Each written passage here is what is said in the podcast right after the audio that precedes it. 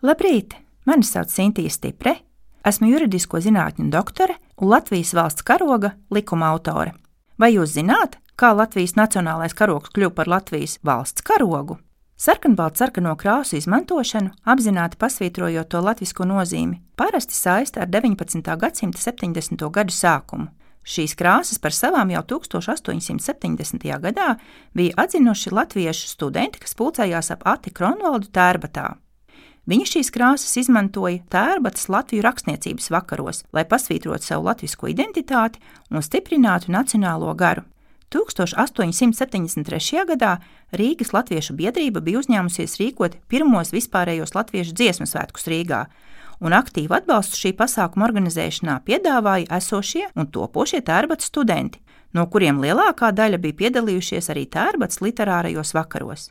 Iespējams, ka tas bija viens no iemesliem, kādēļ par dziesmu svētku karoga krāsām tika izvēlētas sarkanā un baltā.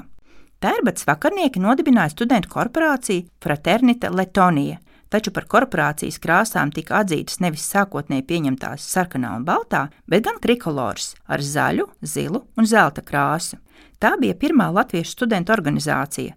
Tādēļ uz Ameriku emigrējušie latvieši par savām nacionālajām krāsām izvēlējās tieši fraternita Letonija krāsas un sludināja tās par Latvijas karoga krāsām. Ņemot vērā Bostonas un Filadelfijas latviešu aktīvo līdzdalību dažādās demonstrācijās un mītiņos, Zaļi zils zeltītais karoks tika ātri pamanīts un viegli atpazīts amerikāņu vidū kā Latvijas karoks.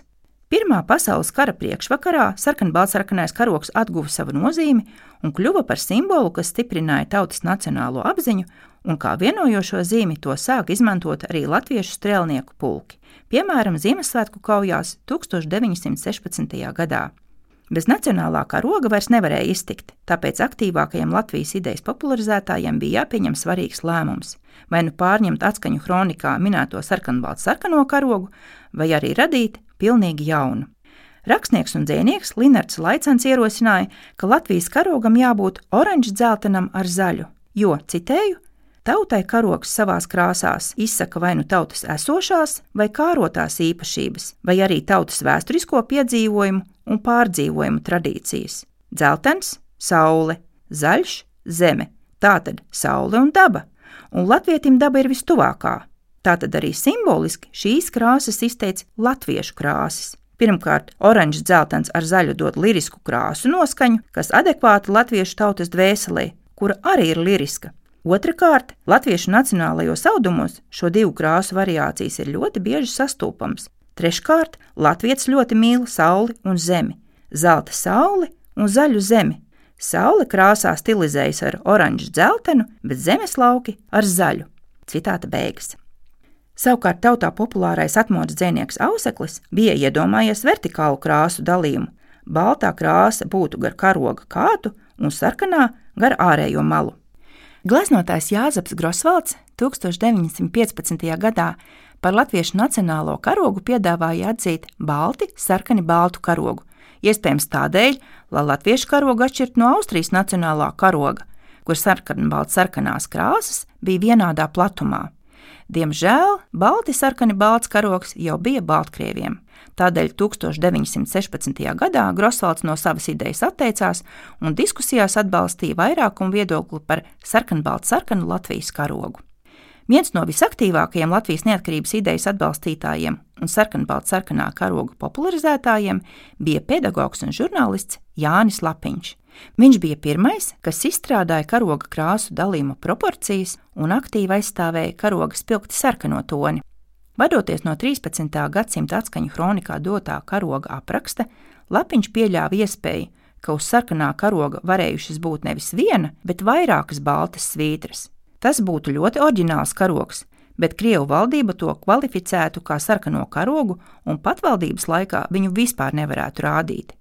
Bez tam sarkans karogs ar daudzām mazām strīpām likās nepraktisks, jo viņā būtu pārāk daudz vīļu.